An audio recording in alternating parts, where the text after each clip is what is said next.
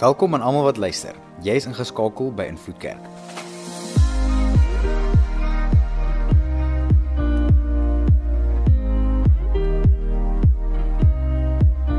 Vir die volgende paar minute gaan jy luister na een van ons boodskappe. Ons glo en vertrou saam met jou dat jy die Here sal beleef daar waar jy is. Geniet dit.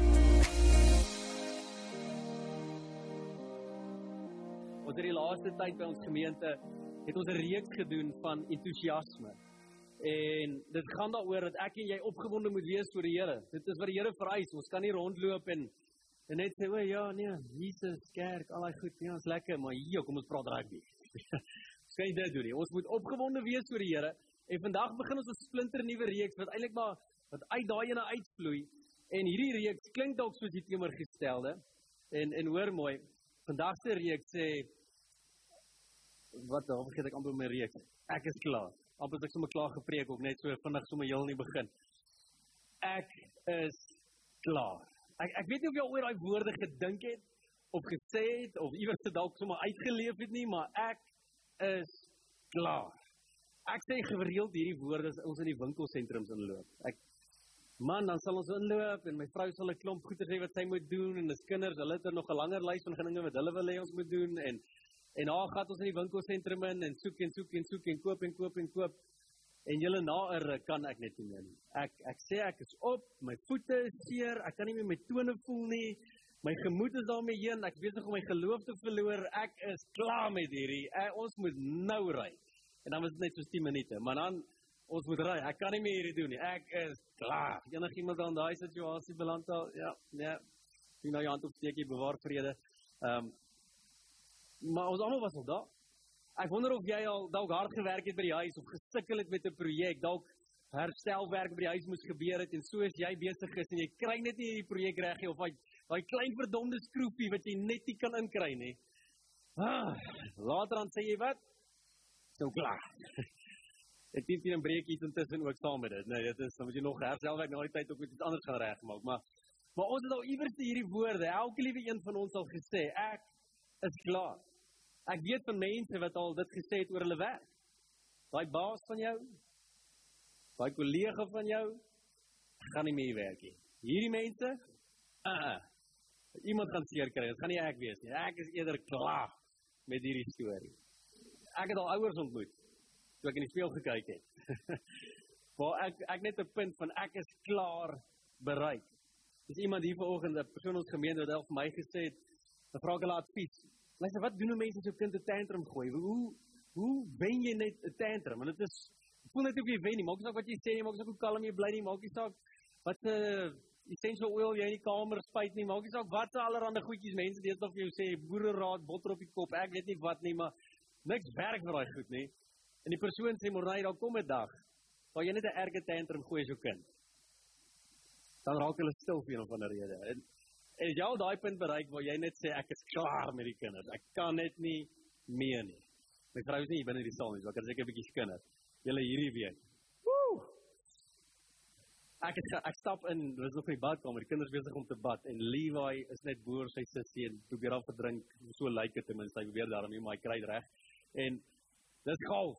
Stefanie kom aan en Levi, Levi, Levi en dan die vyfde keer dat hierdie man nie wil luister nie. Jesus, klim daar, ek is klaar stem met my vrou uit, nê. Nee. Ek gaan loer daar om die draai, net om te kyk of my kinders dit gaan oorleef, want hier is hier is water betrokke en pype en ek weet nie wat alles hier gaan gaan chaos gaan. Elke ouer kom nou, nie my so oordeel van daar af nie. Jy weet jy was ook al daar. Jy's net klaar. Jy kan net nie meer nie. Maar miskien was dit al iets dieper in jou lewe, iets erger. Dalk dalk was dit al iets in die verhoudingsaspek waar jy dalk in 'n verhouding was en dalk familielede, dalk 'n geliefde of selfs in 'n huwelik, van mekaar gekyk het en net klaar. Kan nie meer nie.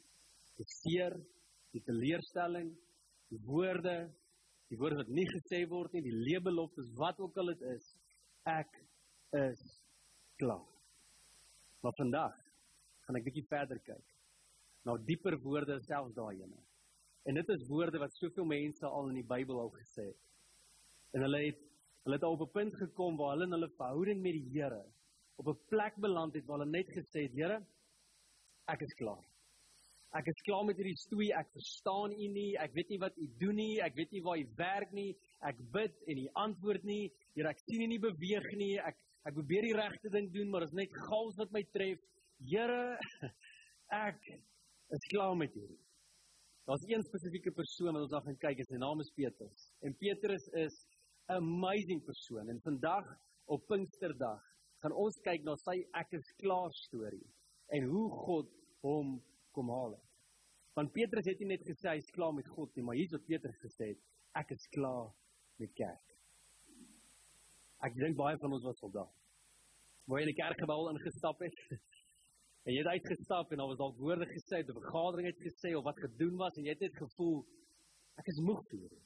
Ek kan nie kerk speel nie. Ek kan nie meer hierdie goed doen nie. Hierdie reëls, regulasies of wat ook al dit is vir jou.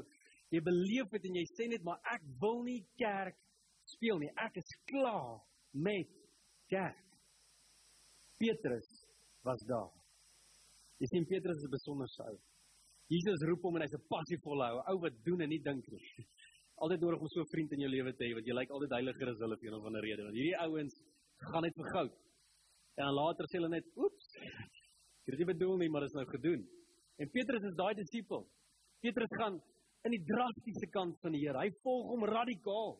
Petrus sny ore af, ou maat. Hy staan niks terug nie. Ons gaan hier, ons gaan Jesus beskerm. Ons gaan doen wat ons moet doen. Hy sê vir mense wat gesê moet word, dink hy hy hy hy raak bietjie risie kompetisie binne die disipelskapgroep. En P Petrus was een van die drie disipels in Jesus se binnekring gewees, selfs binne in die disipels. So hy was iemand naby naby aan Jesus. En Petrus op die ou einde van die dag kry dit net verkeerd, maar verkeerd, na verkeerd. En hy het oor die boot uit geklim het en weer water loop het. En hy laai storie nie so grys geëindig vir hom nie, nê. Dit was een van vele stories. Waar Petrus iets probeer en dit flop net. Iets probeer en dit flop net. En die grootste van dit almal was die oploop na die kruis toe. Petrus sê, Jesus al daai disippels wat gehardloop het, hulle almal hardloop hulle lewens en kruip in bosse weg, ek nie. Ek gaan saam. En hy gaan saam met Jesus, volg die kruis, kom tussen mense En uiteindelik eien iemand hom as een van Jesus se disippels en dat doen hy. Ek ken nie Jesus nie sê. Drie keer doen hy dit. En iewers op die derde keer moes hy en Jesus dalk ook kontak gemaak het en en die woorde wat Jesus toe vir hom gesê het, gaan deur sy denke van Jesus, jy gaan my drie keer nog verloon voor vanaand.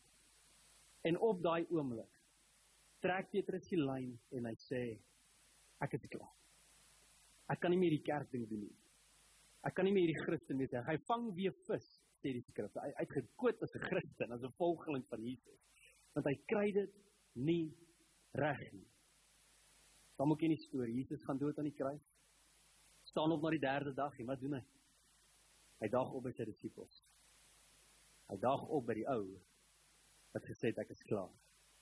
Nou wat dink jy sê God vir hom? Reg Petrus. Alles wat ek vir jou gedoen het? Nee. Sy Petrus, sukkel jy nog steeds? nee. Maak Jesus skuldgevoel wakker? Nee. Wat doen God met Petrus? Want Jesus wat ons moet besef, toe God klaar, toe Jesus Paul klaar was, ag, toe Petrus klaar was met God, met kerk, was God nie klaar met Petrus nie. En julle hierdie is groot. Ons almal beland op 'n punt in ons lewe waar ons daai daai verwarring oomblikke in ons verhouding met die Here beleef. Ons wil ek is klaar oomblikke met God beleef. In daai oomblik en jy voel maar jy is klaar met God, maar raai wat? God is nie klaar met jou nie. En hierdie is vir my groot want dit is my storie. En om eerlik met julle te wees, so 'n paar maande terug was ek op 'n plek gewees waar ek nie gesê ek is klaar met God nie, maar ek gesê ek is klaar met kerk. Mense wat ons seermaak. Mense met leebeloftes. Mense wat self Christene noem maar verstaan nie die gemeenskap van gelowiges nie. Ek het net gesê, Here, ek kan nie hierdie doen nie. Ek gee te veel, ek is klaar hiermee. En julle ek grap nie as ek dit sê. Van julle ken my storie. Dat ek oop en eerlik nie 'n journey meer stap. Ek was op 'n plek waar ek Sondag op 'n kant geklim het en my hart uitgepreek het liefde vir die Here. Maar ek het net gesê, Here, ek weet nie hoe lank nog nie. Ek weet nie hoe lank ek is klaar. En ek weet nie wie se storie dalk is nie, maar die oomblik wanneer jy sê ek is klaar, is God nie klaar met jou nie. In die laaste tyd het God my so kom ontmoet. Hy sê môre nee, maar my kerk moet wakker word. Ek het gesterf vir my kerk. Jy kan nie opgee op my kerk nie. Daar's 'n nuwe brand en 'n vuur hier binne in my rondom ons kerk. Jesus het my kom haal toe ek klaar was. Jou storie, my storie, lyk like dieselfde. Die oomblik as jy voel die streep is getrek, raai wie staan by daai streep? Die Here. Daai oomblik jy gedink het jou huwelik is verby, enigiemand 'n getuienis, hier's baie. Die Here daag op daar en sê dis nie klaar nie. Ek kan help. Ek kan restoreer. God sê nuwe woorde, God doen nuwe dinge. Die dag wat jy gedink het jy hoop van jou toekoms is verby, jou werk, jou identiteit, die Here daag in daai spasies op en hy sê woorde soos hy vir Petrus gesê het in Johannes 21 en hy sê dit net vir Petrus: "Volg my as my disipels." Nie skuldgevoel nie, nie hoe kon jy nie, nie waar was jy nie, nie hoekom is jy so vol twyfel in jou binneste nie, hoekom sê jy jy's klaar nie? Petrus, dis 'n uitnodiging ek wil hê jy moet my volg. En julle hierdie is vir my. Dis ons uitnodiging is gelowiges. Here vra jou om hom te volg. Om hom te ken. Elke dag saam met hom te stap, saam met hom te weet in oomblikke. En ek gaan nou 'n bietjie in diepte daarop ingaan. Maar hier is my groot vraag. Toe ek hierdie gedeelte weer lees van Petrus. Wat het Petrus gedoen Die oomblik toe hy besef, hy kry weer 'n tweede kans. Die oomblik toe hy sê hy's klaar en God sê hier is ek nou en ek restoreer en ek help en ek bring 'n deurbraak vir jou en ek is hier. Wat was Petrus se reaksie? Was dit net ag, dankie Here, dis amazing. En nou kan ons net weer aangaan soos normaal. Nee. Jy sien Petrus voor daai woorde en die Petrus na daai woorde nie dieselfde ou nie. Daar was 'n diepte in Petrus se wese gewees. En hier's wat gebeur het. Hy verantwoordelikheid opgetel. En hier's wat baie van God se kinders het mis. Ons soek die Here se genade en ons soek sy tweede kans en ons soek sy liefde en ons soek al die mooi, dan sê die Here, hier is ek en ek lief jou en ek gee jou tweede kans, maar nou het jy verantwoordelikheid. Nee nee nee, Here, ek wil net volg. Ek wil net hier. Ooh, lekker hier. Jy moet net my gebede antwoord. Ek sal bid nou en dan. En dan jy maak seker die seën is op dit. En dan volgens jy weer lekker en dan wanneer dinge weer moeilik gaan en dan maar ek gaan nou en dan kuier maar as ek later aan as ek te veel gekuier het en te veel gesyfer het jammer sê u sal ons vergewe. En, en hier kom Petrus. En daar's 'n diepte wat in hom insak en hy sê God se tweede kanse kom met verantwoordelikheid. En wat is hierdie verantwoordelikheid? Hoor wat sê Jesus vir Petrus ehm um, toe hy hom nou gesê het wat die wat hy hom al toe roep hy sê ek verklaar nou vir jou Jy is Petrus en sit jou naam daarin. Jy's Morney. Jy's wat ook al jou naam is. Op hierdie rots sal ek my kerk oprig. En al die magte van die doderyk sal dit nie oorwin nie. Ek vertrou die sleutels van die koninkryk aan jou toe. Daar's verantwoordelikheid wat inkry. En Petrus hou hierdie sleutels vas, nie asof ou oh, dis 'n oulike dingetjie wat kan onthou wat die Here vir my gesê het. Nee, nee, nee. Petrus sê ek dra die sleutels van wat ek kan oopsluit uit die hemel uit aarde toe. Dit is massief. Dit is wow. En ek weet nie of jy dit besef nie, maar die dag toe God jou 'n tweede kans gegee het, loop jy rond met sleutels. Loop jy rond met 'n God wat vir jou sê op jou gaan ek my kerk bou. Op jou gaan ek my hemel aarde toe bring. Gaan die kultuur van die hemele, die kultuur op aarde laat maak. Die koninkryk gaan kom deur jou. En ek hoop soos ek dit sê, land daar 'n stukkie verantwoordelikheid op jou skouers. Want julle daar's 'n krisis vandag. Christene rond loop rond sonder hierdie verantwoordelikheid. Ons is meer bekommerd oor ons begrotings, oor ons toekoms in hierdie land, oor wat aangaan by ons stokperdjies as wat ons bekommerd is oor God se kerk. En Jesus het 'n probleem daarmee. Jesus het gesterf vir sy kerk, geleef vir sy kerk, gee sy alles vir sy kerk. En nou is sy kerk net so. Ek en jy het verantwoordelikheid. Wat so wat presies is hierdie verantwoordelikheid? Baie vinnig opsom. Nommer 1 om God en mens lief te hê. Dis Jesus se heel eerste grootste opdrag aan ons gewees. Matteus Markus 12. Jesus het hom geantwoord: "Die belangrikste gebod is die volgende: Luister o Israel, die Here ons God is die enigste Here. Daarom moet jy die Here jou God lief hê met jou hele hart, met jou ganse siel, met jou totale verstand en al jou krag.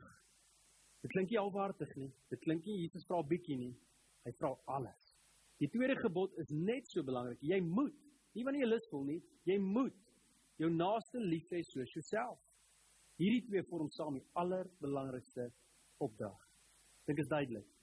Jesus sê hele hart, krag, verstand, siel, alles wat jy is as mens, moet gerig word vir hom. Dan dis die eerste verantwoordelikheid. En die tweede ene is om die wêreld te verander, om 'n impak te maak, 'n invloed te hê in die wêreld. En hier is wat hy sê Matteus 28, 16-20. Die elf disippels het toe na Galilea gegaan, na die berg soos Jesus hulle beveel het. Toe hulle hom sien, het hulle hom aanbid. Alhoewel hy party van hulle nog getwyfel het, Jesus kom toe nader en sê vir sy disippels: God het die volle mag oor die hemel en aarde aan my toevertrou. Gaan dan. Maak al die nasies my disippels, hê invloed van die wêreld en doop hulle in die naam van die Vader en die Seun en die Heilige Gees leer hulle om alles te gehoorsaam wat ek aan julle opgedra het.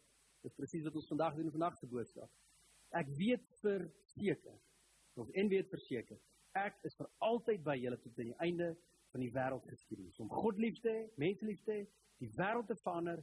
En dan is daar nog 'n opdrag in Korintiërs 12 van vers 4 tot 7. En hier waar ons vandag 'n bietjie stil staan. Hierdie is die een wat ek dink die meeste nagelaat word in Christen vandag se tyd. En dis om as 'n liggaam van Christus saam te werk. 1 Korintiërs 12 en ons het klomp skrifte, maar hier is waar Paulus daaroor praat. Hy sê daar is natuurlik baie verskillende gawes wat ons as Christene kan kry, maar dit beteken nie dat daar 'n gees vir elke gawe is nie. Al hierdie gawes kom van dieselfde Gees, Pinkster. Kom van Heilige Gees wat op mense afkom om die taak van die Here te voltooi. Daar is ook baie dinge van aan Christene gegee word om spesiaal wat hulle spesiaal kan doen maar dieselfde Here staan agter al hierdie verskillende dinge. Daar gebeur ook baie spesiale dinge met ons as Christene. Dit is dieselfde God wat al hierdie dinge in ons doen. Hoor mooi. Die Gees werk in elkeen van ons op 'n unieke manier. Die doel daarvan is om is om egter dat ons vir ander mense, dit moet vir ander mense iets beteken. Jy moet jou lewe gee sodat hierdie gawes as 'n liggaam kan werk, weer 'n gelowige is.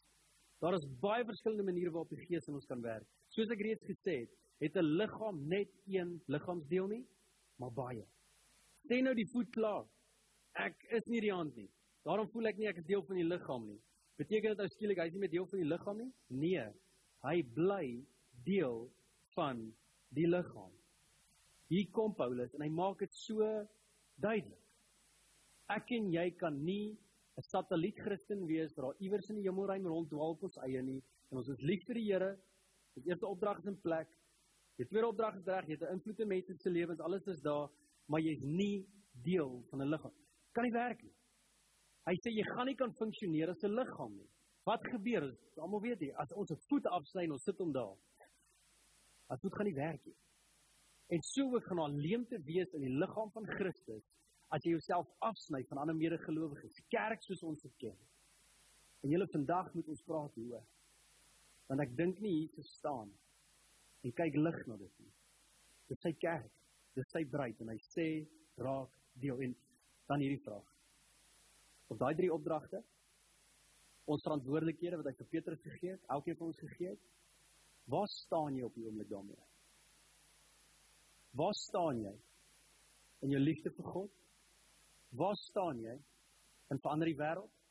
En waar staan jy met dis deel van die liggaam? Skakel in. Want die realiteit is jy kan sit in kerk Sondagoggende hier en ook nie eens deel wees van enigiemand nie. Jy kan 'n satelliet Christen in 'n stoel wees. Beteken as jy vandag hier uitstap en jy het 'n nuwe naam leer ken, jy sien dit 'n satelliet Christen gewees. Jy stel nie belang in 'n liggaam nie. Dis net jy kom om God lief te hê, mense lief te hê, te hoor hoe kan hierdie wêreld verander? Die derde been, ons wil nie dit doen. Ons moet ingeskakel bly. En daar is 'n skrif van die en ek hierdie is die hoogtepunt van die preek en ek het eintlik baie gebabbel tot nou toe net om eintlik hier te kom. En hoor mooi. Toe ek deur hierdie skrifgedeelte van 1 Korintiërs 12 lees, toe staan daar hierdie woord uit wat net nog nooit voor gehoor nie maar Paulus se roep rondom die kerk en rondom die liggaam van Christus wat my oë laat oop staan het. En hier's wat hy sê. In 1 Korintiërs 12 vanaf vers 1 tot 3. My liewe vriende, hy praat nie met mense wat hy kwaad is nie, hy praat nie met mense wat afvallig is, die liefde vir God nie het nie, net mense van die liggaam afgesny is. Hoor mooi. Nou wil ek met julle praat oor die verskillende maniere waarop die Gees in ons werk. Nie in jou werk nie, in ons werk. Dit is my baie belangrik dat julle dit mooi moet verstaan. Julle onthou mos nog met wat julle gebeur het toe julle die Here nog nie geken het nie. Die afgode het die een of ander mag oor julle gehad wat julle na hulle toe getrek het en dit is 'n dooie beeld wat nie eens kan praat nie. Hoor mooi. As jy nie seker is of iemand regtig onder die invloed van die Heilige Gees praat nie, wil ek julle 'n goeie toets daarvoor gee. So jy wil weet of jy vol van die Heilige Gees is of nie, of jy regtig hom gehoorsaam of nie, of Pinkster in jou lewe al gebeur het of nie. Hier is wat Paulus sê, hier is die kenteken. Iemand wat deur die Gees praat, sal nie sê vervloek is Jesus nie. As iemand egter sê Jesus is die Here, is dit die Heilige Gees wat dit hom laat sê. Het jy ek al woorde lees? Iemand wat sê vervloek is Jesus, is ek nog nooit iemand in my lewe ontmoet nie. Ek weet nie of jy al dalk het nie. Iemand wat rondloop en sê ek haat Jesus, vervloek is Jesus. Ek ek ken nie so iemand nie. So dit is asof Paulus bietjie letterlik Grieks praat hier. Want dit is 'n taal wat ons nie verstaan nie. Maar as jy studie gaan doen oor daai woordjie vervloek, is hier daai vervloek. Dan bring dit daai toe. Wat Paulus hierso sê is 'n Griekse woord anathema. Anathema, dis die woord. En hierdie woord se betekenis is so relevant in elke dag se lewe.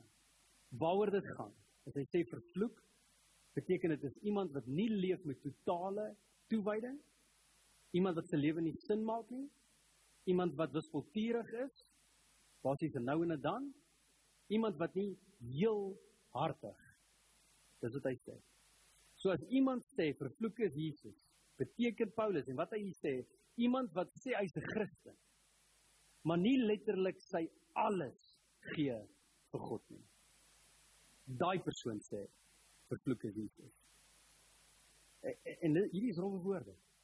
En Paulus kom en hy sê as jy opstaan 'n dag en die eerste ding wat jy aan dink is budget, is druk, is stres, is werk, is wat ook al. Jy het getrek tussen twee pole. As jy nie opstaan en jy sê Here, vandag is 'n nuwe dag wat U my gegee het. Ek leef om vandag vir U. Vervloek is Jesus. Maar hierdie klink nou baie hard en drasties. Gepraat met Paulus hieroor. Dis hy wat dit gesê het. En ek en jy leef in vandag se tyd as dit kom by die liggaam van Christus. Leef ons so. Kerkbywoning, byvoorbeeld dit op 'n Sondag, het al lank al sy betekenis verloor soos dit behoort te wees onder Christene. Ons kom hier Sondag en stap hier in en kyk mekaar in die oë. Hallo, hoe gaan dit? Jesus, hoe was daai ding van laasweek en hoe gaan dit? Jesus, waarvoor kan ek bid? Ons ons daai verloor. Net om uit die bed uit te klim om hier op te daag. Is al klaar soveel moeite. Net om om 'n 10 km iewers heen te ry om die Here te gaan ontmoet en saam met die gelowiges die Here te aanbid is klaar soveel moeite. Vervloek is Jesus sê Paulus. Dis die woorde. Anathema. En Jesus sê, Paulus sê, so 'n persoon is nie vervul met die Heilige Gees nie. Dit is nie 'n sekere woorde. Ons kan nie een voet in, een voet uit nie. God vra vennootskap. Hy vra volgelingskap dat jy dag en nag saam met hom alles sal doen. Bid oor alles en bekommer oor niks. Daai verse totaal en al toegewy want hier's wat gebeur. Ons is een voet in, een voet uit en dan wonder ons terwyl ons so staan, maar Here, waar is die seën? Waar is die deurbraak? Waar is die mooi, Here? En die Here sê maar, waar is jou toewyding? Jy sê jy's 'n Christen, maar hier's eintlik die realiteit. Jy's 'n voltydse onderwyser en 'n halfdag volgeling van Christus. Jy's 'n voltyds voltydse pastoor selfs. Maar jy's 'n halfdag volgeling van Christus.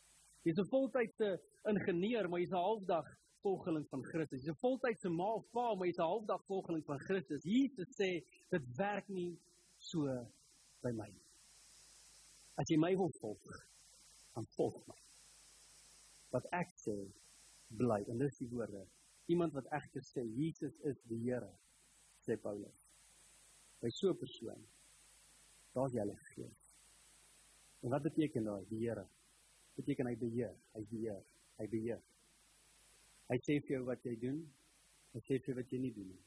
Hy sê vir jou wat is reg, hy sê jou wat is nie reg nie. Hy sê waar jy tyd spandeer, hy sê jy jou vrou beheer, hy sê hoe jy jou vrou hanteer, sou nie beheer nie, hy se verkeerde woord, jy gaan huweliksprobleme kry. Ehm um, Hy is die een wat rigting gee in elke area van jou lewe. En vandag kry ons meer advies hoe om ons kinders groot te maak op YouTube as in die Bybel. Ons kyk meer na wat mense doen met hulle kinders en vat die beste daarvan af en probeer ons kinders daarin groot maak. Julle, weet jy wat sê dit? Anathema. Vervloek Jesus.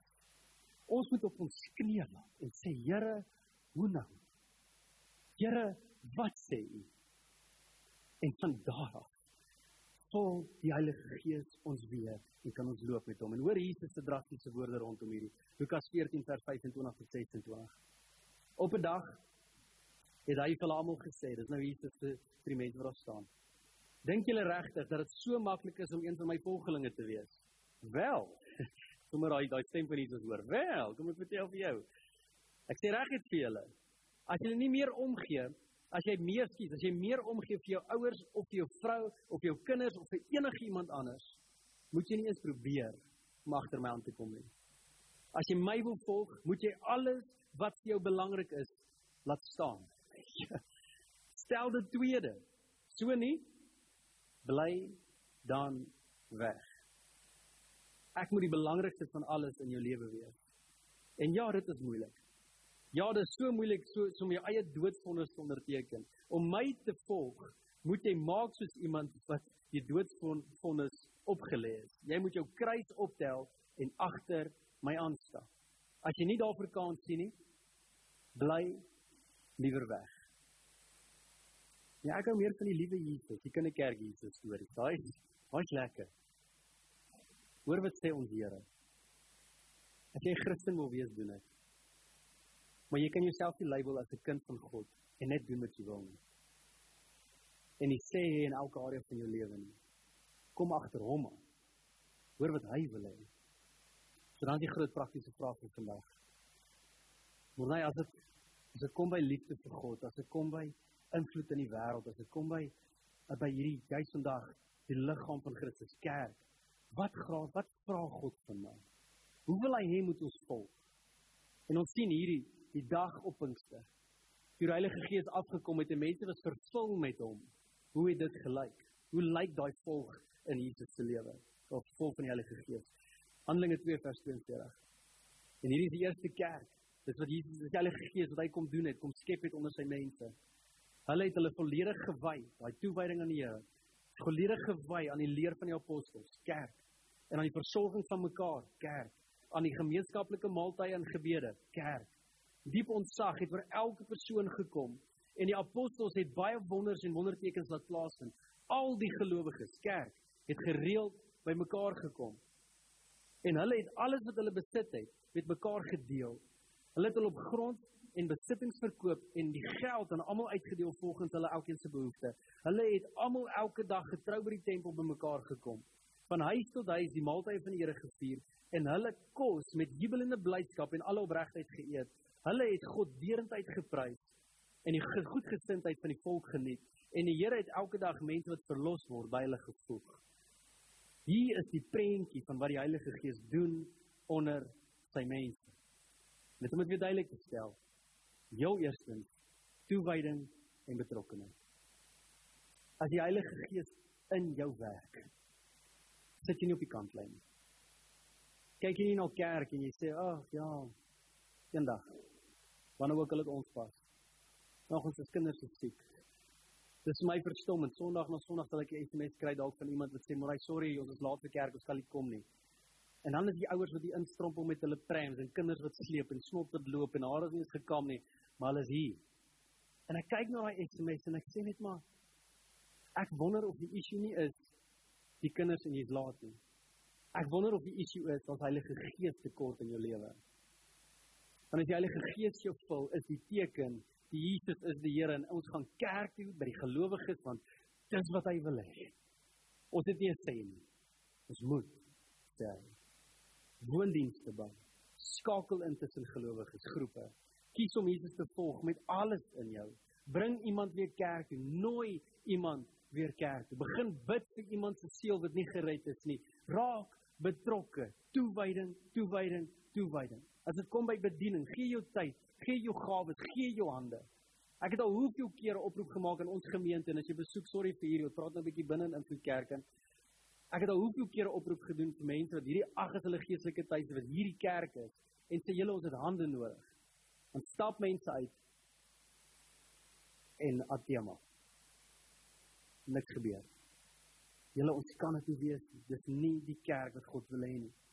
Dan die tweede ding wat hy vra, soos hulle gesê het in Handelinge se hulpbronne.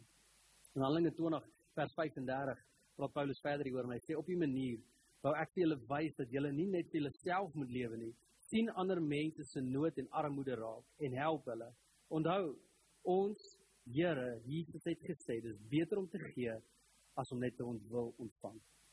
Nou as 'n mens armoede lees in die skrif, en veral tussen Afrikaans sprekendes, is daar een prentjie wat ons altyd sien. Ons sien mense wat dalk nie kos in die huis het nie. En dit is verseker 'n prentjie van armoede. En die kerk het 'n rol om te speel, maar daar's drie groeperings van armoede. En dit is as Paulus praat oor armoede hier, praat hy oor al drie. Dit is die kerk se plig, ons plig om dit aan te spreek. Nommer 1. Laagste prioriteit is fisiese armoede. Mense wat nie kos het nie, mense wat dalk nie 'n woonplek het nie, mense wat nie 'n brood het nie, mense wat ook al nie het nie. Ons help daai mense. Dis ons as gelowiges wat daai lig laat skyn.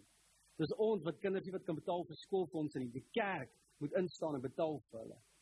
Dis die kerk se werk om kos in mense se huise te kry wat die instap en hulle het niks, om klere op mense se rug te sit wat nie het nie. Dis die kerk se werk vir fisiese armoede aanspreek. Maar dan nie net dit nie. En ons almal is daar, ons glo in daai prentjie, maar dan emosionele armoede. En hierdie is 'n groot tekort in ons samelewing. Daar is huisgesinne wat gebroken is, wat mekaar uitmekaar uitskeer onder 'n een dak. En die kerk het die rol om te speel om daai mense te gaan haal, te bereik, te beraad, pastoraal te bedien, te doen wat ook al ons moet doen om daai mense emosioneel weer gesond te kry soos God wil hê. Ons het 'n rol om te speel daar. Dis die twee tweede hoogste prioriteit, maar dan die grootste armoede wat ons moet aanspreek. En hierdie is die een waarvoor Jesus sy lewe gegee het. Jesus het nie broodjies gesmeer nie. Jy sien nie dit in die die Bybel nie. Hy het nie gekom om die fisiese armoede aan te spreek nie. Hy het nou en dan emosionele armoede aangespreek. Maar die ding waarvoor hy homself heeltyd gegee het, is geestelike armoede. En in 'n kerk hoor my aan. Jesus het gekom want hy het geweet daar's mense wat nie in 'n verhouding met hom staan. Daar's mense al verandering en hoop wat hulle kan kry, is hy. En hy het gekom om juis Here van hulle lewens te wees, liefde en oorvloed vir hulle te wees, te leer hoe voel God oor sy mense. En in vandag se tyd is daai boodskap so arm. Ons hoeveel mense wat rondloop na kerke toe en as hulle kom sit en wonder hulle, "Ja, waarmee gaan ek huis toe?" Daar's mense wat instap by hulle huis en ons geen meer Bybel wat gelees word, geen meer wat gebid word nie. Al Bybel lees en preek wat hulle hoor is wanneer hulle Sondag saam kerk toe kom. Jesus weet die geestelike armoede van vandag se lewe is die grootste ene want as jy arm eendag doodgaan, geestelik arm, gaan jy help. Ons werk is die kerk is om daai mense weer ryk te maak. Om die evangelie en die goeie nuus van Jesus te deel. En waar is die veiligste spasie onder die son daarvoor? Hier. Weet jy hoekom? Want jy dalk 'n vriend wat nie glo in God nie. Jy dalk 'n vriend wat sukkel in sy geloof, maar hy vertrou jou, hy vertrou nie kerk nie. En jy nooi hom net saam kerk toe. Jy sê net man, ek sien iewers in sleep wat ek weet jy nie van hou nie. En hy kom sit hier en ewe skielik begin hy 'n ander boodskap hoor. Begin die Heilige Gees met hom werk. En ewe skielik speel 'n rol as 'n liggaam en dinge begin verander. En hier is wat ek jy moet besef. En dis wat die Heilige die Handelinge Kerk gedoen het om alle armoede aan te spreek. Fisies, emosioneel en geestelik kos die kerk ook geld. En dis hoekom Jesus van alle tye af gesê het sy kinders moet gee vir die werk van die Here. Want geestelike armoede kos dit ook. Jesus het nie verniet bedien in sy dag nie. Daar was mense wat hom ondersteun.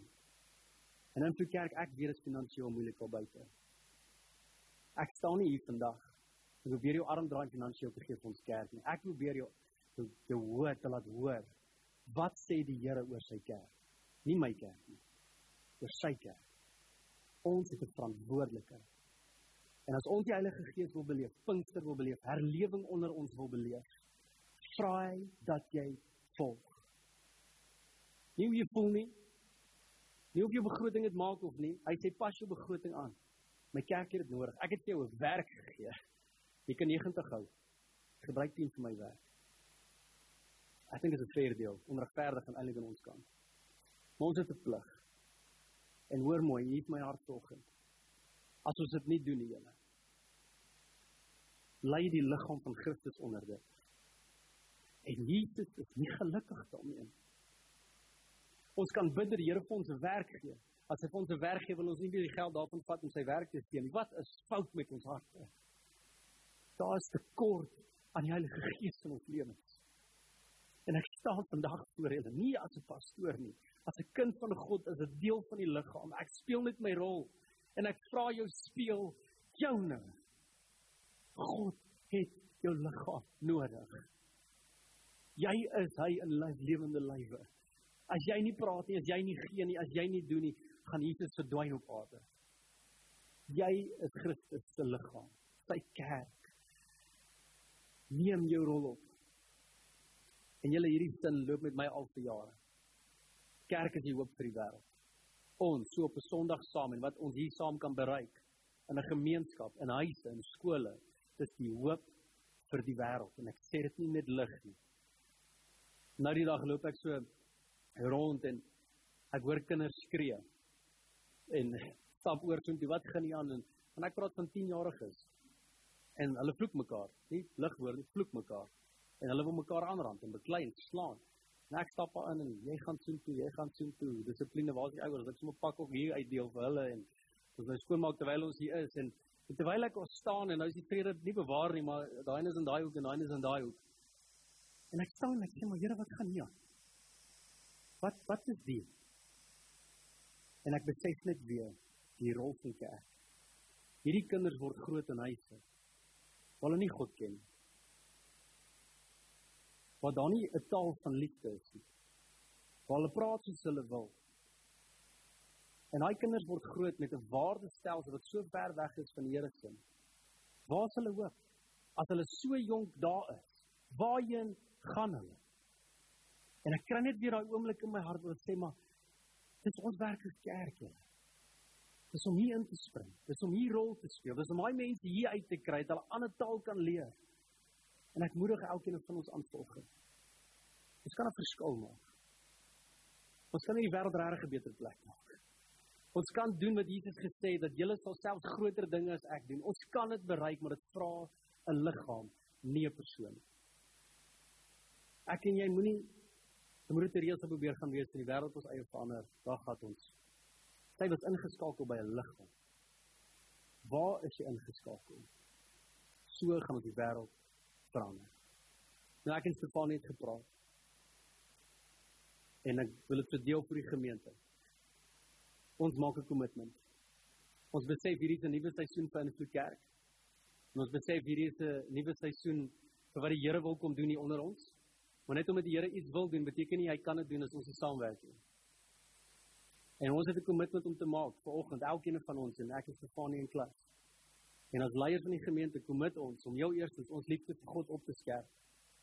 Volgens staan ons al in die badkamer, haar nog die mekaar vrot asems en ons bid vir mekaar en dis ons oggende begin.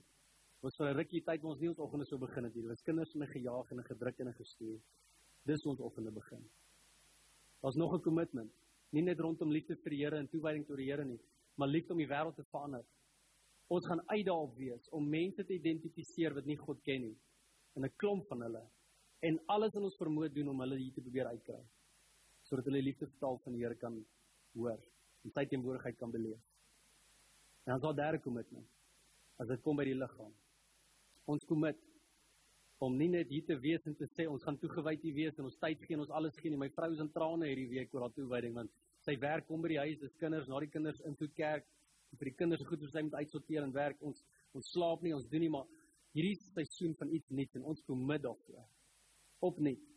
En so ek kom met ons om 'n ekstra 1500 rand te betaal aan die kerk. Dit is eintlik kan bekostig, maar ons doen dit want ons het 'n plig. En ek doen dit ek sê dit nie vir julle om julle sag te maak nie, om om julle te manipuleer of enigiets dit nie, maar ek wil hê julle moet weet ek staan nie hier en sê net iets omdat ek dit sê nie. Ons volg. Ons gaan waar jy wil hê ons moet gaan. So ek vra jou volgende. Wat gaan jy doen met jou sleutels? Gaan jy net sit en sê dankie Here? Of gaan jy soos Petrus maak en sê Here, ek het 'n verantwoordelikheid? En dan gaan dit ernstiger opneem. Baie by Handelinge Kerk beleef dat Here daar's 'n diep ontsag wat oor hulle gekom het. Dat ons weer dit sal beleef. Ons speel nie kerk nie, julle. Ons is die kerk. Kom ek sluit af. Was een laaste woordjie wat ek ons verby wil vat en is ook 'n 'n vreemde woord. Die eerste een was aan 'n tema en hierdie ene is is aan die mooier kant en van julle ken hierdie woord en hierdie woord se die woord is Jeditya. Ken julle hierdie woord? Jeditya. Een van die mooiste woorde in die hele Bybel. Hierdie is 'n naam wat God gegee het aan aan Salomo. En wat amazing is, Salomo was die kind van Dawid en van Batseba. Nou julle ken dalk nie daai storie of dalk van julle kan dit vinnig onthou, né? Toe Dawid op 'n plek gekom het waar hy gesê het, "Here, ek is klaar. Ek het genoeg gestoei, ek het genoeg beklei, dit is tyd vir my om te rus en net lekker te kry." Jy kry te veel lekker. Dit is 'n moeilikheid in die huis. En daar is sonde wat plaasvind. En daar's 'n kind wat gebore word met 'n vrou wat nie syne was nie. Hy pleeg moord van wie se man van die vrou, wie dit is wat Eva se man, sodat hy net onskuldig moet lyk en hierdie sneeubal effek net al die pad af. Alles van 'n ek is klaar oomblik. Hier word hierdie kind gebore. Hulle noem hom Salomo. En God kyk van die hemel af en hy sien Dawid het gesê ek is klaar. Hier is sonde. Hierdie storie moet eintlik spreek van soveel chaos. Dit eintlik soveel negativiteit oor Salomo se lewe gespreek. Maar God sê daar waar jy sê jy's klaar, is ek nie klaar nie. En God stuur 'n profeet Nathan na Dawid hulle toe en hy sê vir hulle julle het 'n mooi naam gekies Salomo, geluk met julle kind. Maar hier's 'n nuwe naam. 'n naam wat God gekies het vir hierdie kind. En hierdie naam is Jeditya. En Jeditya beteken geliefde van God. Geliefde van God. Dis hoe God my en jou sien. En ek weet vandag se boodskap is nie 'n lekker gevoel nie en ek het so gestoei en ek grap nie as ek hierdie nie. Ek het gesê Here, ek wil nie hierdie boodskap preek vandag nie. Hier is 'n nuwe kerk, nuwe begin, nuwe seisoen. Kan ons nie lekker preek nie? Die Here wil hê ons moet hieroor praat. Here, ek wil net hier dit jou preek. Lekker, maar Mornay mense moet weet. Die oomblik as hulle sê ek is klaar, bly hulle roepings nog daar. En vandag sit jy dalk hier en jy's op 'n ek is klaar oomblik. Klaar met 'n verhouding, klaar met God, klaar met kerk, klaar met werk. En toe Dawid sê ek is klaar, toe kom hy en hy sê maar, jy dit ja, Dawid. Jou kind is 'n geliefde van my. En hiermee bedoel ek die volgende. Dat alhoewel jy die streep trek, kom God en hy sê maar jy's nog steeds spesiaal. Hy sien wat deur jy gaan. En hierdie is seker die grootste probleem van die hele boodskap van vandag. Ons loop rond sonder 'n wete, 'n absolute oortuiging dat God is lief vir ons. Ons vergeet ons is Jeditya. As ek en jy kan opstaan ons weet en ons voel en ons ervaar en ons aanvaar, maar ek is 'n kind van God. Ek is God se geliefde. Hy gee alles vir my. Hy staan op met met opgewonde oë om te kyk wat gebeur in my lewe vandag. Om saam met my te stap, om saam met my te wees. Hy gee sy alles vir my. Die oomblik as jy geliefd soos dit voel deur die God van die wêreld, weet jy wat gebeur? Hy gee jou liefde weer terug. En hier is die grootste fout van ons loop koud rond. Ja, die Here is lief vir my. En dis hoe diep ons liefde gaan. Vandag kom ek in herinnering met elkeen. Jy is Jeditya. God is nie 'n slaafdrywer nie. Hy wil hê jy moet hom volg as jy nie wil nie. Hy wil nie hê jy moet in die liggaam inklim as jy nie voel jy wil al wees nie. Maar as jy besef hoe lief hy jou is, sal jy weer liefde kom teruggee. En wat ons gaan doen is nou na 'n laaste liedjie luister. En hierdie laaste liedjie is 'n liedjie wat jy hieroor gaan wat sê wanneer jy stikkend is, wanneer jy wanneer jy die streep trek, wanneer jy vir God is ver, wanneer jy is Dawid in 'n badseba oomblik het, val in sonde. God is daar. Hy is lief vir jou. Hy bedek jou. Hemelse Vader, Dankie Here dat ons vandag net weer u hart kan hoor, Here. Dankie dat u ons roep om u te volg met alles in ons, Here, ons hele hart, ons verstand, ons siel, ons krag. Dat ons nie halfdag volgelinge van u is nie, Here, maar heeldag lank. Ons dink heeldag lank aan wat u vir ons sê, wat u van ons vra. Dis waar vervulling lê. Dis wat u van ons verwag. Hemelse Vader, ek bid dat daar diep ontsag oor ons sal kom. Ons sal besef, maar ons het nie te doen met kerk nie, ons het te doen met God. En hy roep ons om 'n rol te speel. Ons kan hemel aarde toe bring. Ons het die sleutels. Hoe amazing is dit nie? Maar Here, ek bid dat ons verantwoordelik sal wees.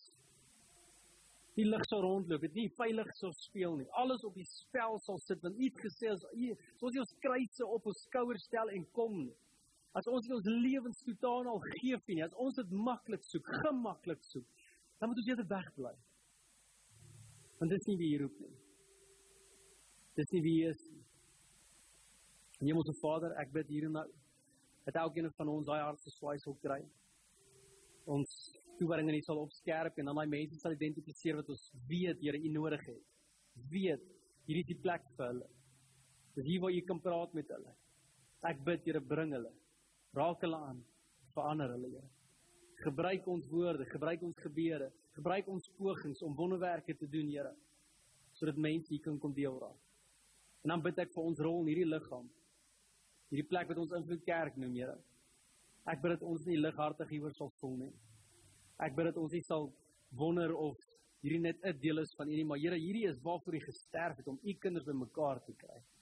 Want dit is deur hierdie plek, dis deur die kinders wat saam staan, dis deur U kerk, U liggaam wat die wêreld weer hoop kry, wat die wêreld weer Jesus sien. Ek bid, Here, help ons om ons hulpbronne te gee. En ek weet dit is moeilik vir party om te hoor want jy het al kerk seer gekry, mense preek net geld, geld, geld, maar Here, dis wat U wil hê. U wil hê dat ons getrou moet volg in elke area van ons lewens. En dankie Here. Dankie dat U getrou was tot nou toe. Om ons lief te hê, ons te vergewe.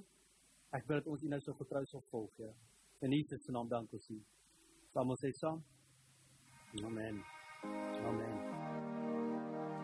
Dankie dat jy tyd geneem het om na die boodskap te luister. Indien die Here op jou hart druk om jou getuienis te deel of net om met iemand te gesels, gaan na ons aanlyn toonbank op ons webtuiste om kontak te maak. Dankie aan almal wat finansiëel bydra tot die bediening. As jy in jou hart voel om ook by te dra, besoek ons aanlyn toonbank vir maniere om te gee. By Invloed Kerk skep ons veilige spasies waarin jy die Here kan beleef, voel jy behoort en jou wêreld kan beïnvloed.